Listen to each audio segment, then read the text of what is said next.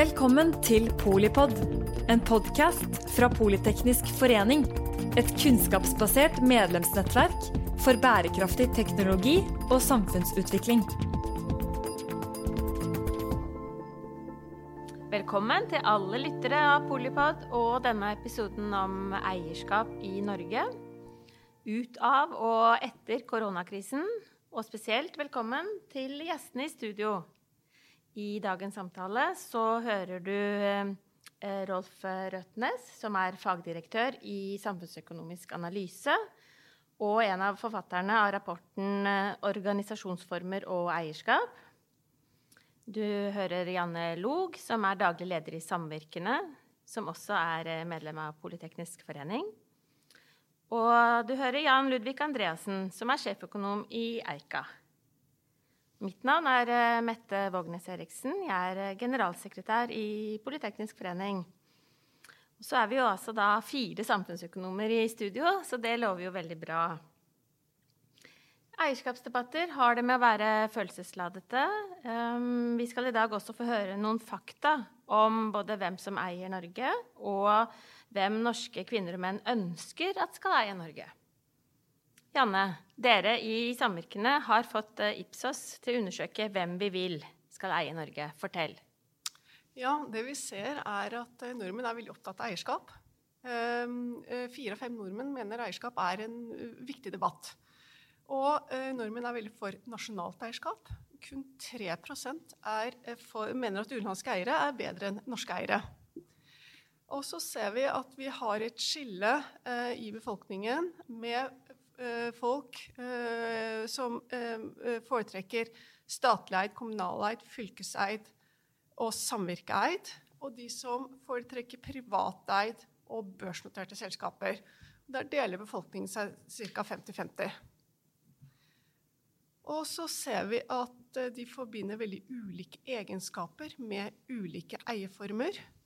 Eh, F.eks. Eh, statlig og samvirkeeid, så forbinder de veldig med at det er sysselsetting og bidrar til økonomisk utvikling av Norge, og, og også lokalmiljøer. Mens man tenker på privateide selskaper, eh, børsnoterte, som mer konkurranseorientert. Um, så det er en, er en ganske spennende debatt, syns jeg. Fordi vi har hatt mye fokus på statlig eierskap i Norge, men vi har hatt lite uh, fokus på privat eierskap. Og nå når vi står oppe i en så stor restriksjon, så kan det bli en spennende debatt. Ja, så um, egentlig har vi alltid hatt den. Uh, litt ulike valører. Uh, jeg, jeg, liker å starte foredragene mine med historien om Sam Eide på tur opp i Telemark. Med seg hadde han en franskmann og en svenske. De hadde penger. Sam Eide han skulle opp uh, Rjukanfossen da den fortsatt rant i all sin voldsomme kraft, og vise dem at her kunne man bygge eh, demme ned. Og det var jo ikke høyspentledninger, så måtte bygge både demning og fabrikkanlegg og en hel by for uh, disse arbeidsfolka. Og hvordan skulle han da overbevise svenskene og franskmannen? Han brukte alle pengene sine på å bygge en bolig. Det står der den dag i dag. Heter Admeny. Veldig flott bolig. Da sa den franske kapitaleier, som eh, kom fra det som i dag er eh, BNP Paribas, og svenskene kommer fra Wallenberg Ja, dette må være hans minste kunst å demme ned, bygge en fabrikk og en hel by, når han har klart å bygge en så fin bolig her oppe i dalføret. Eh, og dette er en historie egentlig om hvordan Norge ble industrialisert takket være utenlandskapital. Og BNP Paribas er den dag i dag en av hovedbankforbindelsene til Norsk Hydro. Eh, så vi skal ikke være eh, alltid så redde for utlendinger og utenlandskapital. Men det er altså noen ting som er greit å ha kontroll over sjøl. Og det skal vi være glad for at vi har sørget for. Så en av grunnene til at Norge er blitt rikt, er ikke bare at vi har utvunnet våre naturressurser, at vi har avansert produksjon og en høyt utdannet befolkning. Det har også noe med at vi har kontroll over ganske mange essensielle ting i Norge. Da må jeg jo bare skyte inn at eh, Sam Eide og Virkeland faktisk etablerte det som nå er eh, Hydro i det samme rommet som vi sitter her. Wow. I Politeknisk forening. I 1905. Med franskmennene og svenskene til stede. Det visste jeg faktisk Ikke ikke. sant? Nei. Hvordan, eh, var det noe som overrasket eh, deg, Rolf, i, eh, Nei, i den altså, Ipsos-undersøkelsen? eh, eh, nei, altså det, det samfaller godt med inntrykket vi har. Men før jeg kommenterer det, så har jeg lyst til å henge på en liten kommentar til eh, historien om Hydro, som passer godt til det vi har sett på. Eh, og det, en ting er at eh, farfaren min var rallar oppe i Rjukan så at jeg kan historien på den måten. Men altså, vi ser jo resultatene i dag. I dag har vi to store selskaper som er et direkte resultat av det, nemlig Hydro og Yara. Vi har mange avleggere også. Og og det interessante er i den sammenhengen er at vi har utviklet kompetanse over, over tid som får veldig langsiktige virkninger. Altså når man bygger opp teknologi og kompetanse, så har den tendens til å vare lenge. altså Det kalles stiavhengighet.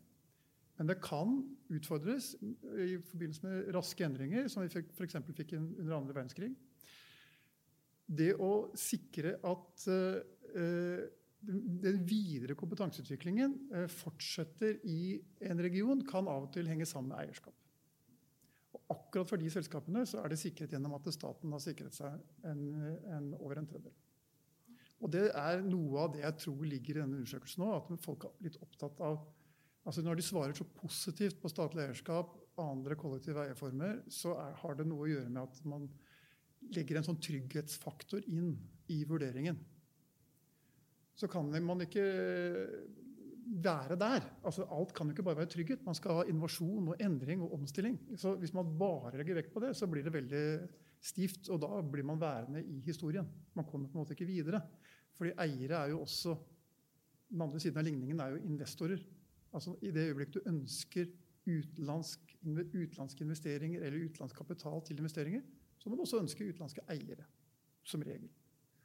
Men det er noe med å, å tenke gjennom eh, blandingen av eierskap. Altså har vi tilstrekkelig eh, variasjon i eierskapet? Og har vi tilstrekkelig variasjon som gjør oss robuste for endringer, samtidig som vi ivaretar omstilling? Det er vi veldig enige altså. Og det er noe av det vi har sett litt på, da, altså knyttet til spesielt fordi vi har blitt eh, bedt om det, og fordi vi har syntes det har vært interessant å sett på noen andre kommersielle eierformer enn en vanlige eh, aksjeselskaper. Så vi har jo sett på Staten eier jo en del, og, og de fleste selskaper eies jo av, i form av aksjeselskaper av mange private eiere.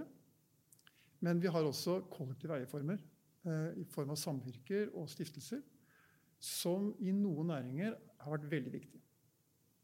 Og over tid så ser vi at det er en gradvis endring i at selskapsstrukturene blir litt mer større. Altså store konserner får større innflytelse, særlig i næringer som, er, som, å- som ikke er helt nye.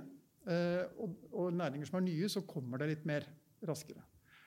I de næringene hvor eh, samvirker og kollektive eierformer er til stede, særlig næringsmiddelindustri, var, detaljvarehandel, så er det på en måte en slags stabiliserende faktor. Og som virksomheter også, så tyder internasjonal litteratur på at de er mer stabile både i oppgang og nedgang. Altså Stabile oppgang betyr at ikke de fyker like fort oppover, men de fyker heller ikke like raskt nedover. Det finner vi ikke i samme grad til stede i norske data, fordi de er i veldig stabile næringer altså som ikke endrer seg så fort. Men vi har også sett at det dukker opp helt nye næringer, f.eks. innen omsorgssektoren, hvor, hvor det en god del mennesker har sett denne eierformen som en måte å realisere nye ideer på. F.eks. Uloba, som er et veldig interessant eksempel på hjemme, eh, altså personlig, eh, bruker, brukerstyrt personlige assistenter. Organisert seg som et samvirke og vokst veldig og på den måten vært innovativ. Og det at vi klarer å få utvikling av noen selskapsstrukturer og eierformer som kombinerer dette med innovasjon og stabilitet i en urolig verden, det tror jeg er en av grunnen, altså noe av det befolkningen direkte eller indirekte føler er riktig. Da. Så ville jeg ikke sagt at alle bør være der, for at da mister vi noe annet. Men, eh, men at vi har et innslag av det, tror jeg har vært viktig. Og mange andre land har det òg, faktisk i nesten i enda større grad. Jan Ludvig? Ja, jeg, tror det er viktig å si det er, det er jo ikke noe sånn fasitsvar. Og jeg tror også sett på andre næringer, type oljeindustrien, hvor eh, vi var tidlig ute med å sikre oss eh, mesteparten av inntektene i olje via skatt, høy skattlegging av oljeinntektene. Men så var vi ganske slepphendte med å slippe til amerikanere og andre på å bore. Da hadde vi også vårt eget oljeselskap, eh, Statoil, som det het den gangen. Um, og dette var jo før EØS, så vi kunne også prøve å dirigere industrioppdrag til velvalgte steder av type Kristiansand, som fikk mye borekroneoppdrag. Nå igjen da kjøpt tilbake av USA i moderne tid av National Orwell. Um, så det har vært litt sånn fram og tilbake. Uh, men det hele, under det hele så skulle vi sikre oss på en måte de viktigste inntektene og kontrollen på det for å utvikle miljø. Eh, den bearbeidingslinja eh, har stått veldig sterkt i Norge når det gjelder eh, naturressurser. Vi ser i den dag i dag når det diskuterer strømkabler til kontinentet og Skottland. At vi ikke skal bare bli sånn råvareeksportør, vi skal foredle det selv. Og det har jo vist seg egentlig vært en veldig vellykket strategi, ført med litt ydmykhet. da. At vi kan ikke gjøre alt sjøl, og av og til er det best at utlendingene tross alt styrer. Men, er det andre ting i den uh, befolkningsundersøkelsen da, knyttet til egentlig ja, type Ser dere noe lokalt, geografisk eller politisk, eller Det vil si at det er veldig bred politisk enighet om altså lite skiller eh, knyttet til blokkene, da, som Ipsos har kalt rød og blå, i forhold til syn på eierskap. Det syns kanskje, kanskje, jeg var eh, var litt overraskende. Det, det, eneste var knyttet til den egenskapen som er økt ulikhet. Der skiller det seg ikke sant? Eh, mellom at, at de mener eierskap påvirker, det. Så det var kanskje den ene tingen som uh, overrasket litt. Kanskje det overrasket meg litt at statlig eierskap står så sterkt i befolkningen også, og at det er den eierformen folk forbinder flest egenskaper ved. Men det er kanskje fordi at vi har hatt mye debatt om statlig eierskap. Så sånn sett er det en kjent eierform for eller mot. Jeg vet ikke. Bare Ta, så, så, Poenget er det vi ser i dag, da, selv når det er urolige tider og det er høy arbeidsledighet, og veldig mye småbedrifter som holder på å gå over ende, eller har gått over ende, eh, så er, flokker de seg til de lokale sparebankene. Så jeg jobber jo i Eika-gruppen. og Vi er 60-70 lokale sparebanker, men også Sparebank1-gruppen, som er noe større enn oss. Eh, og, og, poenget med det, det er jo egentlig ingen i eh, København eller Stockholm eller Helsinki, som Nordens største bank holder til i, eh, som er interessert i å fly rundt på Bygde-Norge og, eh, og, låne ut én million her og to millioner der i vanskelige tider. Eh, men vi er der. Og det eneste grunnen til, vår hovedgrunn til å eksistere er å kunne hjelpe til og tjene litt penger på det lokale forretningsgrunnlaget vi har rundt omkring i Bygde-Norge. Så, så, hvis du tenker på i, hvilken grad, i hvilke næringer eh, nasjonale eierinteresser gjør, eh, har en betydning, så ja, nettopp naturressurser. Ja, landbruk eh, selvfølgelig. Eh, men også i bank. Eh, det er veldig viktig, eh, viser det seg, å ha en lokal sparebank i et nabolag. Og det ser vi også der du kan se to bygder, en med og uten sparebank. Så vil det være mer blomstring og mer aktivitet der hvor det er sparebanken. Det er, det er litt sånn høna og egget, da. Der det ikke er noe, der er det heller ingen bank, naturligvis. Men, men, jeg tror det er veldig viktig i vår tid å tenke litt på det, at lokal kapital er er en velsignelse eh, i vanskelige tider. Ralf, dere har gjort spennende refleksjoner og funn knyttet til eh, finanssamvirker i, i finanskrisen. Ja, altså vi Det er mye litteratur internasjonalt, da, og det jo, jo, viser jo at uh, de er senere å trekke ned aktivitet. Og det det, egentlig er det det samme resonnementet som Jan har her. Altså at den, du, du, vet mer om enig er at du er litt mer forsiktig i oppgangstider, kanskje, men du vet også mer om kundene. Så du kan lettere vurdere risiko, sannsynligvis. Um, men jeg hadde et litt annet poeng knyttet til det vi har sett på, som jeg tror kan være interessant. og Da vil jeg understreke, som jeg tror vi må gjøre mange ganger, at et mangfold av eierskap er veldig viktig.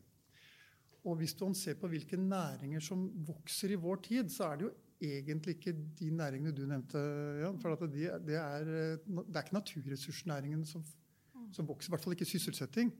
Eh, det er ofte kunnskapsbaserte næringer. Og da er det jo og næringer knyttet til omsorg og velferd. Og eh, da er det interessant å se at, knyttet til den undersøkelsen dere hadde, at man er litt sånn engstelig for at det skal komme litt ut av kontroll. Da. For det, der er innslaget både offentlig eierskap og samvirke lite. Eh, og bortsett fra i finanssektoren, hvor, eh, hvor, vi har sparebanker og gjensidige, så er det lite innenfor de tradisjonelle kunnskapsnæringene. Men vi har ett stort selskap, og det heter Telenor. Eh, og, den, og det tror jeg folk er, vektlegger den, ikke nødvendigvis at det er statlig, men at det er en stabil eiergruppe, så ikke det, hele kompetanseutviklingen blir borte ved en eierskapsskifte. Det er kanskje noe av den viktigste grunnen, tror jeg, at du har de utslagene dere har i spørreundersøkelsen. Men eh, det andre poenget mitt er at eh, når det gjelder mangfold av eierskap, så er det sånn at det er ikke alle eiere som maksimerer som etablerer virksomheten sin bare for å maksimere avkastningen av investeringen.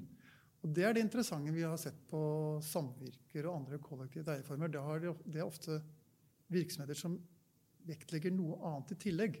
F.eks. et årlig avkastning på input fra leverandører. Altså man betaler utbytte til leverandørene, som man gjør i landbrukssamvirket. Eller til kundene, som man gjør i Coop. Eller til eh, meningen med stiftelsen, som kan være et velferdstiltak. Og da får man en litt annen måte å tenke på. Eh, på to måter. Det ene er at du legger litt mer vekt på evighet. Virksomheten skal til stede til evig tid. Ergo man må være litt mer forsiktig. Og det andre er at eh, øh, man, og, og, I det forsiktighetsbegrepet så ligger det også å ta hensyn til de ansatte. Da, sånn at de, man er litt engstelig for å trappe ned for raskt, f.eks. Ta vare på kompetansen og videreutvikle. Men det ligger også kanskje en bekymring for om du klarer å henge, henge med i teknologiutvikling, klarer å endre deg raskt nok. Og det er den, si, den faglige bekymringen vi normalt ville hatt. Endrer de seg raskt nok? Klarer de å innovere nok? Derfor har vi sett litt på det. og det, Vi var litt usikre på om de gjorde det, men i hvert fall de dataene vi har, tyder på at de er på nivå med sammenlignbare næringer. Så på en eller annen måte så klarer de å tenke også på det da, i det evighetsperspektivet sitt. Og det tror jeg er veldig viktig. Hvis ikke så, så vil det jo på en måte bli borte. Men jeg tror også det er viktig her at det, det er ikke sånn dette er ikke enkelt, og det er ikke noen klare regler. Jeg husker vi, jeg vokste opp i Oslo, så var en av de største virksomhetene i byen det var eh, Tandberg på Kjelsås. Eh, og som da regjeringen grep inn og prøvde å få slått sammen med Radionett. Eller Radionette, eller usikker på hvordan det uttales. Eh, og det var jo en katastrofe. Og eh, man prøvde å berge det, men det, det, det, vi hadde aldri klart å lage radioer i Oslo i dag. Uansett hvor mye subsidier vi hadde pumpa inn i det. Um, så det er, det, er, det er, en vanskelig balansegang. Um, når det er sagt, så, og, og særlig disse her knoppskyting innenfor IT, som ofte blir kjøpt opp av store multinasjonale selskaper, biotek det samme, det er veldig vanskelig å lage liksom, multinasjonale konserner med base i Oslo. Eh, det er, det, er, kanskje mer naturlig at de blir eh, en større del av en utenlandsk konsortium. Eh, og så har vi det problemet at da forsvinner også ikke bare kompetanse, med skatteinntekter. Men der er det noen bieffekt av at Norge har bygd verdens største sovereign wealth fund, altså sånn pensjonskasse. Vi eier altså aksjer i 10 000 selskaper rundt omkring i verden. Rundt halvannen prosent av de største amerikanske selskapene er eid av Norge. Eh, og da har vi egentlig en viss glede da, av at eh, verden drives profesjonelt og effektivt eh, osv. Og, og det er sikkert mange folk i Houston, Texas som syns det er noe herka de jobber for norske eiere osv. Så, videre. Så bildet er noe mer komplisert enn det var for 100 år siden da Norge var kapitalfattig. Nå er vi veldig kapitalrikt. Vi er, vi er tungt investert i, uh, i uh, over hele verden. Vi er vår tids Wallenbergere. Ja, men, ja, vi, er, vi, er, kapitalsterke, og så står vi oppe i et digitalt og kunnskapsdrevet skift. Og Derfor er jo den eierskapsdebatten veldig interessant i forhold til vekstnæringer. Eh, fordi at eh, ikke sant, Man kan si det er sektordefinert, men, men altså, eh, Amazon har jo hatt en enorm vekst mens, eh, i den lockdown-perioden som har vært nå. Og det er klart, det er utfordrende altså, for en sektor som allerede sliter. Altså, um, det er to ting som, å, som, som, vi har sett litt på, som jeg har lyst til å få fram som jeg tror er ganske viktig når man diskuterer eierskap. Det ene er jo at som ene er en utfordring, og den andre er en fordel. på en måte. Hvis du tar fordelen først, knyttet til eh, offentlig eierskap eller kollektive eierformer som samvirker eller stiftelser, så er en, en fordel kan man si, er at de Eh, er vanskelig å kjøpe opp. Blir, eh, hvis man er engstelig for utenlandsk eierskap, så er det på en måte en bolverk. Du får aldri fullstendig kontroll over et sånt selskap, fordi det, det, det lar seg ikke kjøpe opp. Med mindre staten sier at de selger. Eller, de, eller stiftelsen legger ned, eller noe sånt. Eller samvirket oppløser seg selv. Uh, utfordringen ligger i hvordan du skal hele tiden være innovativ og henge med i den teknologiske utviklingen og markedsmessige utviklingen. Og da det klarer man ikke det hvis man ikke får veldig dyktig ledelse. Så ledelsesutvelgelsen blir jo da ekstra viktig i den type eierformer hvor, uh, hvor eieren på en måte ligger litt, er litt lenger unna, klarer ikke å følge opp uh, lederen like direkte som man kan gjøre ofte gjennom uh, keeper, altså sånne indikator eller direkte dialog. Så da og da det, ser vi jo på samvirke f.eks., så må man jo også tillegge eieren altså sikre seg at eieren deler på en måte verdigrunnlaget for selskapet. Altså det, er ganske, det er ganske komplekst å, ut, å, å, få fram ledere som er både dyktige, deler verdigrunnlaget og ivaretar de langsiktige hensynene som disse eierformene har. Lykkes man med det, så kan man få veldig gode selskaper. Men det er faktisk eh, krevende å få det til. så Derfor så er det ikke sånn at eh, det er det eierskaps, den eierskapsformen en raskest griper til hvis man skal opprette et nytt selskap. Da vil det ofte være et aksjes, vanlig aksjeselskap. Ja. Men i den uh, settingen hvor, uh, hvor, du kanskje kommer fra en uh, naturressursbasert økonomi, da, og hvor eierskapet reflekterer litt det, og, og fremover hvor, eh, hvor, data er den nye oljen, eh, populært sagt. Um, og kanskje oppfølging til deg, arven etter Tandberg. Da. Nå har vi i morgen en børsnotering av et, av et uh, type spin-off fra Tandberg-miljøet, som, uh, som, velger da å gå, uh, notere seg og gå etter internasjonal kapital, risikokapital. Pexip. I stedet for å organisere seg som et samvirke, kanskje, eller en, en, en, kollektiv form, til tross for at de driver egentlig veldig, veldig etter de samme prinsippene. Er det noe dere har sett i de analysene og, og annen kunnskap rundt um, organisering av eierskap knyttet til eh, vekstselskaper? Så det, ja. det, si, det si vi i sånne småbanker gjør, da, det er ofte Man kommer inn som sånn, en såkorninvestorer i mange sånne småselskaper. og Særlig når de begynner å vokse litt, så eh, forsvinner de ut. Eh, når det gjelder sånn som Pexip, så er det jo en global happening. Altså, dette er en, en av de mest vellykkede børsintroduksjonene i Europa i, eh, i vår. Eh, og da, hvis de skulle holde seg i det norske miljøet og norske kapitalet, sånn, så ville de måtte jo selge ut langt under de verdiene som egentlig ligger der. Så jeg, jeg, jeg, tror at det er eh, Og det er jo hyggelig da, at noen nordmenn blir veldig rike, er det ikke det? At de realiserer sine ideer. Så, så, så jeg tror at vi skal ikke tenke alltid på om det er så gærent at dette her vokser opp i Norge, og så forsvinner. Litt sånn som vi i Sparebank. Vi syns det er hyggelig vi, når jeg, de der tingene vi får satt i gang, vokser, vokser, seg ut av våre bankers muligheter til å finansiere dem. da. Det er jo egentlig en suksesshistorie for eh, bygda. Syns du det er indifferent om de vokser seg ut av ja, At de vokser seg ut av bygda jeg, og ut av banken skjønner jeg kan være litt, litt, litt gøy. Men ut av landet, i forhold til kompetansebiten, syns du det er helt uproblematisk og ikke, ikke litt grann trist? Uh, jeg tror det er sånn verden er. Og så må man huske på at det har vi i netto forstand veldig glede av når vi har 10 000 milliarder kroner plassert rundt omkring i verden i sånne selskaper. Blitt helt ufortjent rike. Prøver å minne min datter alltid på jeg. verden er urettferdig. Det skal du være glad for. Fordi vi får så mye takket være av at vi bare har plassert bare smart penger rundt omkring i all verdens kriker og kroker.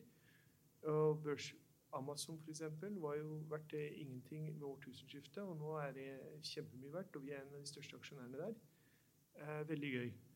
Eh, og da må vi også tåle at noen nordmenn, eh, gjerne etter å ha jobba i internasjonalt selskap, kommer tilbake til Norge, begynner noe eget, og så får de etter hvert internasjonale eiere.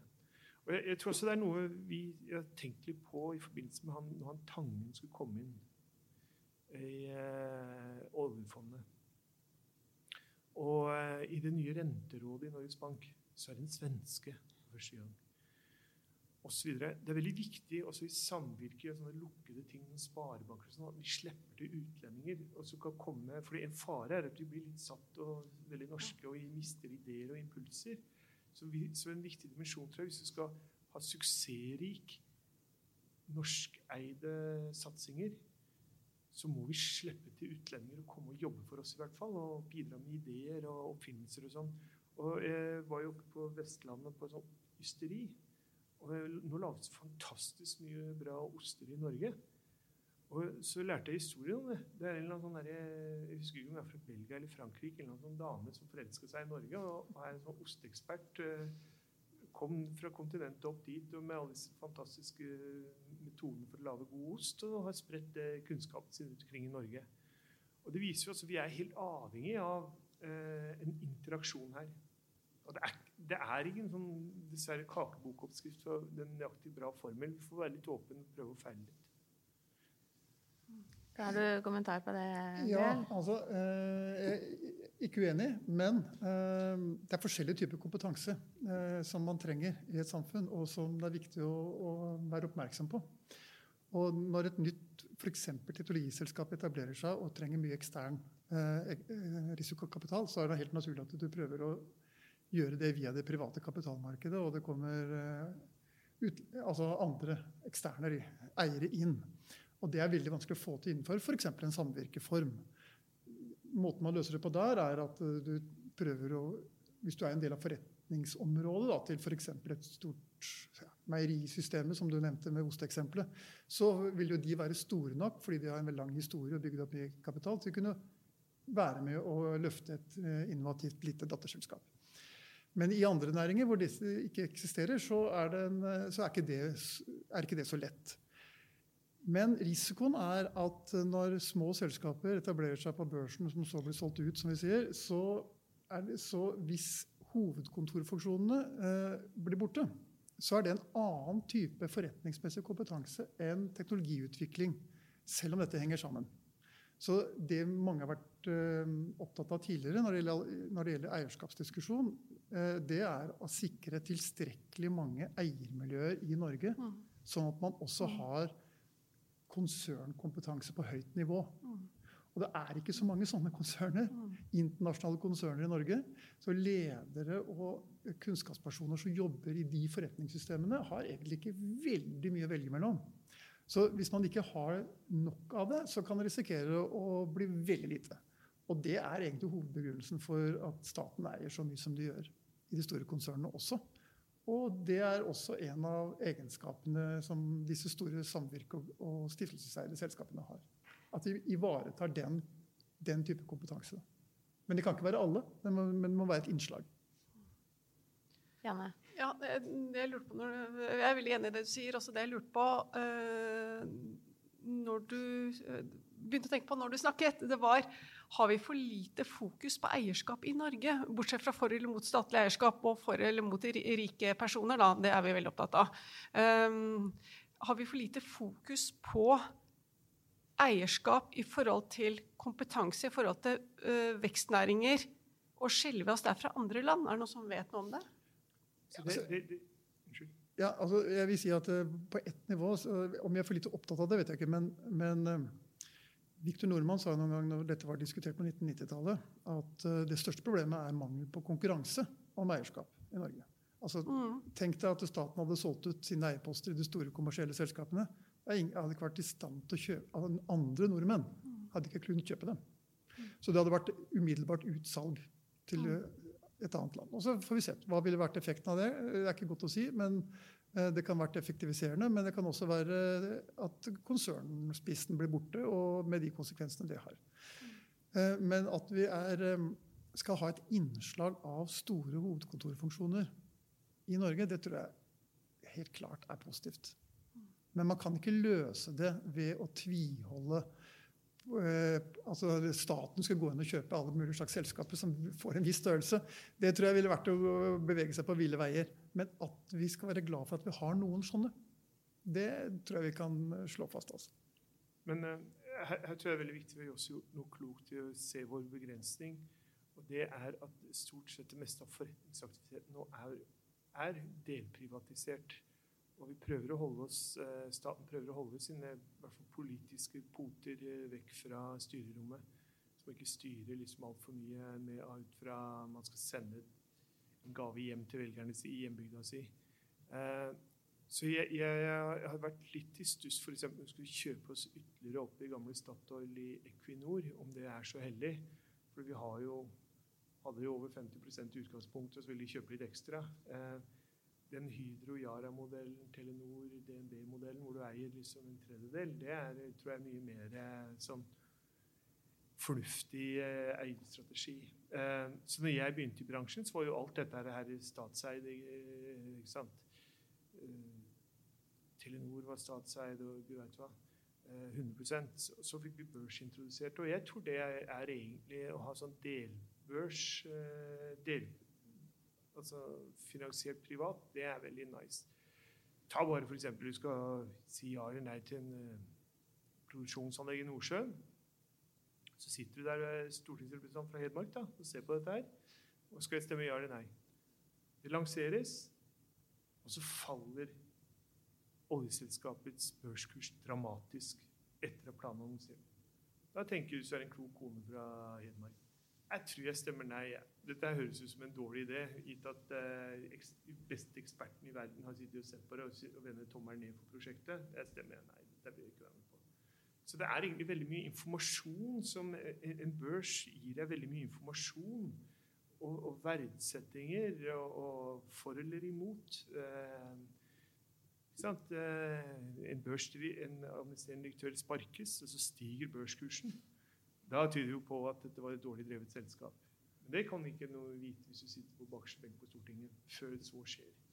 Så, så jeg tenker man må, man må, Det er veldig bra, den delprivatiseringen. Og det er også viktig når vi tenker på vårt eget eierskap i utlandet, at ikke vi blander oss for mye bort i hvordan de enkelte selskapene drives. Eh, vi er tross alt minoritetseiere og takker for utbyttet og at kursene stiger og det harde arbeidet som folk gjør. Eh, men vi har jo egentlig ikke så veldig mye forutsetning for å liksom, blande oss bort i bilindustrien i Detroit ellers. Nå, de fleste av de tilfellene vi har både av statlig eierskap og privat kollektivt eierskap i form av samvirke og stiftelser, har ikke kommet som eh, Altså, Statlig eierskap har ikke kommet som resultat av strategiske investeringer. Det har stort sett kommet som resultat av historiske begivenheter som har vært litt tilfeldige. Altså, enten det var Hydro ble overtatt etter annen verdenskrig, og bankene ble, fikk deleierskap eh, etter finanskrisen på 1990-tallet. og Telenor og Statoil ble plutselig veldig store som følge av mange andre ting, og så ble det delprivatisert. Eh, stift, eh, stiftelsene og ikke minst samvirkene de er litt mer preg av strategiske beslutninger av noen. Av et kollektivt av noen, men da for lang tid tilbake. Og stort sett så har det vært veldig lite eh, tilfeller av nye etableringer av samvirker de siste årene, men et par interessante unntak. Men de som har blitt etablert for lenge siden, eh, typisk i landbrukssamvirket og, og um, i eh, handelssamvirket, Coop, de har jo etter hvert blitt så store selskaper at de har da kommet opp på et nivå hvor de har fått en veldig profesjonell ledelse. Og det er hele liksom, kjerne, nøkkelspørsmålet i sånne typer selskaper. At de får en veldig profesjonell ledelse som kan operere med armlengdes avstand til, til, eierne. på et vis. Og, men de interessante unntakene uh, her, det er at i både i brukerstyrt personlig assistent, Uloba, der var det noen som etablerte noe helt nytt. De valgte å gjøre det som samvirke, har fungert og har vokst. Og i barnehagene vi også, så vi også med barnehageekspansjonen på 2000-tallet, hvor det dukket mange foreldreeide barnehager som etter hvert begynte å etablere, som etablerte samvirkeformer. Som også er eh, kanskje nå litt under press ved at de store kommersielle kjøper, dem, kjøper opp de mindre, men likevel har etablert en eierform da, som ser ut til å fungere for de som deltar, eller bruker dem. Og, den, og de, de, er i hvert fall et eksempel på at du kan også bruke denne eierformen eh, nå. Ut fra en, en, eller annen målsetting. Hvis du har en målsetting med å etablere noe som ikke er. Så, den, så det er mulig. Men eh, for øvrig er jeg helt enig med Jan. Også. Det å ha, å ha, offentlig eierskap som styres av politiske miljøer, det har historien på en måte løpt fra. Så du må ha, du må ha et, eh, et avstand til beslutningene til det politiske miljøet, og du må ha profesjonelle eiere. Eller profesjonelle ledere, mener jeg. Enig at Uloba er et uh, kult selskap, altså. Og det er, det er noe med kulturen der òg som er veldig, veldig bra. Det er et veldig, veldig godt drevet selskap. Uh, men, men uh, du snakket om historiske hendelser. Korona teller vel som en historisk hendelse? Ja, det er Én ting som slår meg, det er at uh, i disse nye næringene som vokser, og som uh, faktisk vokser ganske kraftig, så, så er, det lite innslag av det vi snakket om tidligere, som samvirker og stiftelser og kollektive eierformer. Private sådanne. Men det kan det bli. Og, uh, og, vi har tidligere studert plattformøkonomi for akademikere, og vi ser at det er ganske mange, ikke minst innenfor IKT-næringen, som jobber som selvstendige, som ønsker å jobbe sammen uten å etablere et felles selskap. Så de etablerer ofte en plattform. Det er veldig kort vei fra en plattform til et samvirke. Og det kan også være en metode i tråd med det Jan sa tidligere, å løfte opp også kapitalgrunnlaget, slik at vi kan videreutvikle plattformen og gjøre den enda mer anvendelig. Både trygt og anvendelig for de som deltar. Så det er faktisk et potensial som vi ikke helt har sett ble tatt ut ennå. Men det skal ikke se bort fra at det kommer. altså. Og I så fall så får vi en, en interessant eierform også i den, den næringen. Interessant. Og et eh, blikk inn i eh, krystallkulen eh, også, for et mangfoldig eierskap. Maks verdiskaping, sysselsetting, innovasjon og kanskje spesielt viktig å holde dialogen rundt eierskap levende nå i store konjunkturskifter og endringer i, i verdensøkonomien. Tusen hjertelig takk til eh, Rolf Røtnes, som er fagdirektør i eh, Samfunnsøkonomisk analyse. Til eh, Janne Log, som er daglig leder i Samvirkene. Og til Jan Ludvig Andreassen, som er sjefsøkonom i Eika. Velkommen tilbake til neste episode. Takk for at du lyttet til Polipod fra Politeknisk forening. Få med deg flere episoder, eller bli med på nettverksmøtene som du finner på at polyteknisk.